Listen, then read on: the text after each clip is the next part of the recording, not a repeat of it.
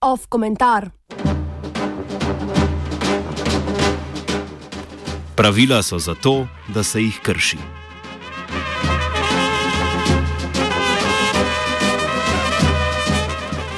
Nedavni dogodki z področja gospodarstva kažejo na intenzifikacijo bitke za, dobičke, bitke za dobičke. Ta se je skoncentrirala na relaciji med EU in ZDA. Zlahka dobimo občutek, da je Svetovna trgovinska organizacija s svojo razsodbo glede nedovoljene državne pomoči panevropskemu proizvajalcu letal Airbus pohitela oziroma z njo odgovorila na odločitev Evropske komisije v primeru Apple. Drug simptom profitnih bojev so zastala pogajanja o čezatlantskem proti prostotrgovinskem sporazumu. A na gospodarske sodne postopke je treba pogledati tudi z vidika boja velikih proti malim.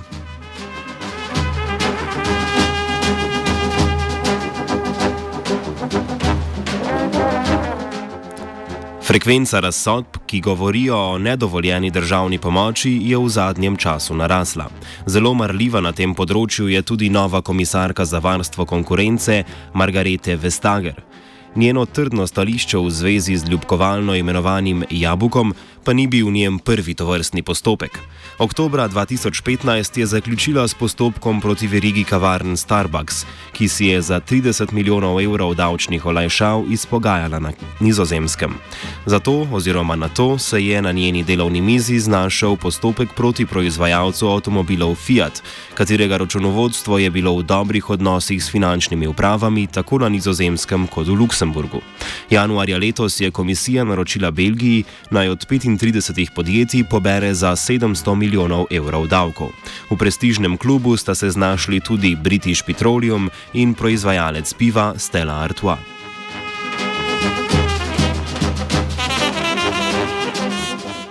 Kljub vsem naštetim lovorikam pa niti slučajno ne gre proslavljati bog ve kakšne zmage nad kapitalom. Evropska komisija ima zgolj eno komisarko za varstvo konkurence. Že kratek pogled na seznam mednarodnih korporacij na davčnih počitnicah samo na Irskem jasno pokaže na nesorazmerje v številu.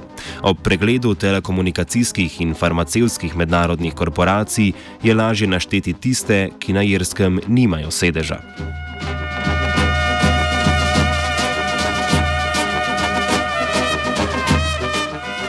Margarete Verstager delovnega področja najverjetneje ni dobila v najboljšem stanju. Ne moremo mimo dejstva, da je ravno v času, ko je njen nadrejeni predsednik Evropske komisije Jean-Claude Juncker zasedal mesto premijeja Luksemburga, ta mala državica sklepala pogodbe z multinacionalkami o višini davčne stopnje na njihov dobiček. Dogovorjene davčne stopnje so bile za gospodarske subjekte zelo ugodne. Tisti, ki so tajne in nečedne posle razkrili, sedaj prestajajo pogojno zaporno kazen.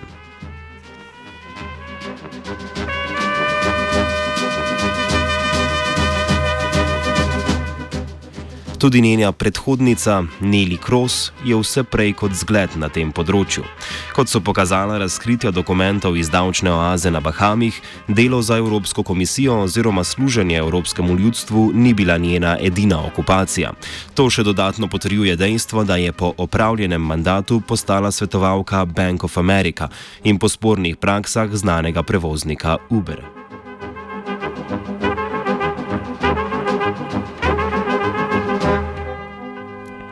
A ugotovitve o nezakoniti državni pomoči ne prinašajo vedno pozitivnih učinkov na potrošnike zaradi ohranjanja ali višanja stopnje konkurenčnosti na posameznem tržišču.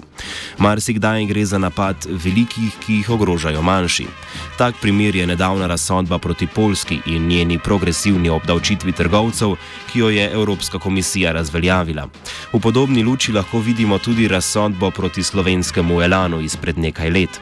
Proti Elanu in Sloveniji se je pritožil avstrijski proizvajalec smoči Folkl, ker si je želel manj konkurence.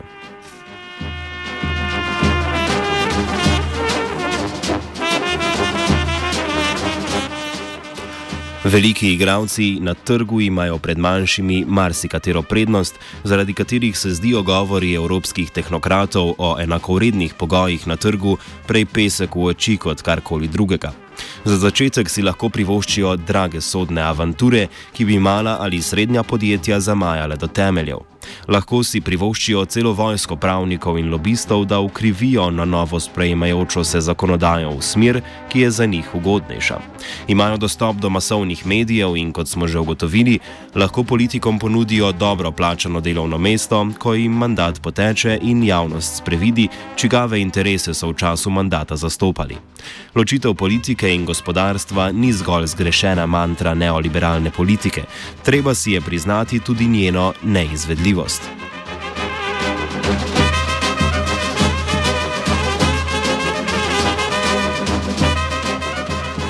Preden pa se vrnemo k začetnemu primeru velikanov, ki letajo po nebu, si oglejmo še dva zanimiva primera subvencij.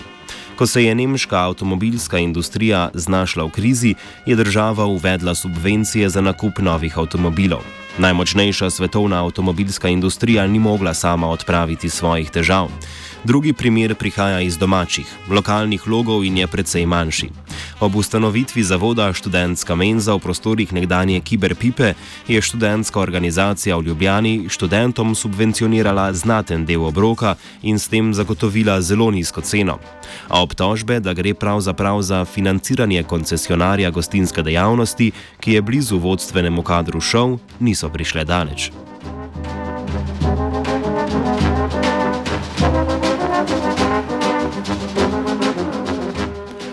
Višina nedovoljenih subvencij strani Evropske unije, Nemčije, Velike Britanije, Francije in Španije, ki jo je ocenila Svetovna trgovinska organizacija, je v primeru Airbus dosegla 22 milijard dolarjev. Pri Boeingu so odločitev komentirali z velikim navdušenjem, pozabili pa so na dejstvo, da podobni postopki tečejo tudi proti njim. Ako se spopadajo sloni, najbolj trpi trava. Tako je prava žrtev boja med proizvajalci avionov železnica oziroma okolje. Letalska industrija in prevozniki so si uspeli zagotoviti neobdavčeno gorivo. Poleg drugih uspešnih lobističnih podvigov je letalstvo kljub svoji okoljski neuzdržnosti prevzelo vodilno vlogo vsaj v potniškem transportu na daljše razdalje.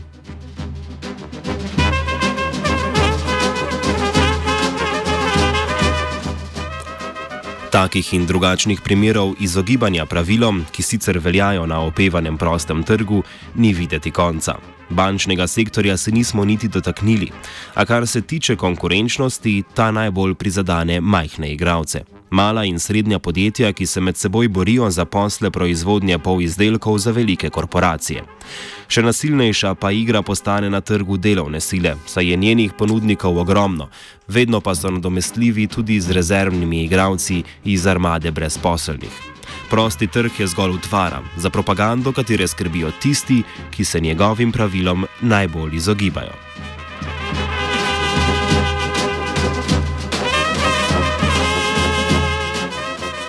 Nezakonite državne pomoči si želi noveli.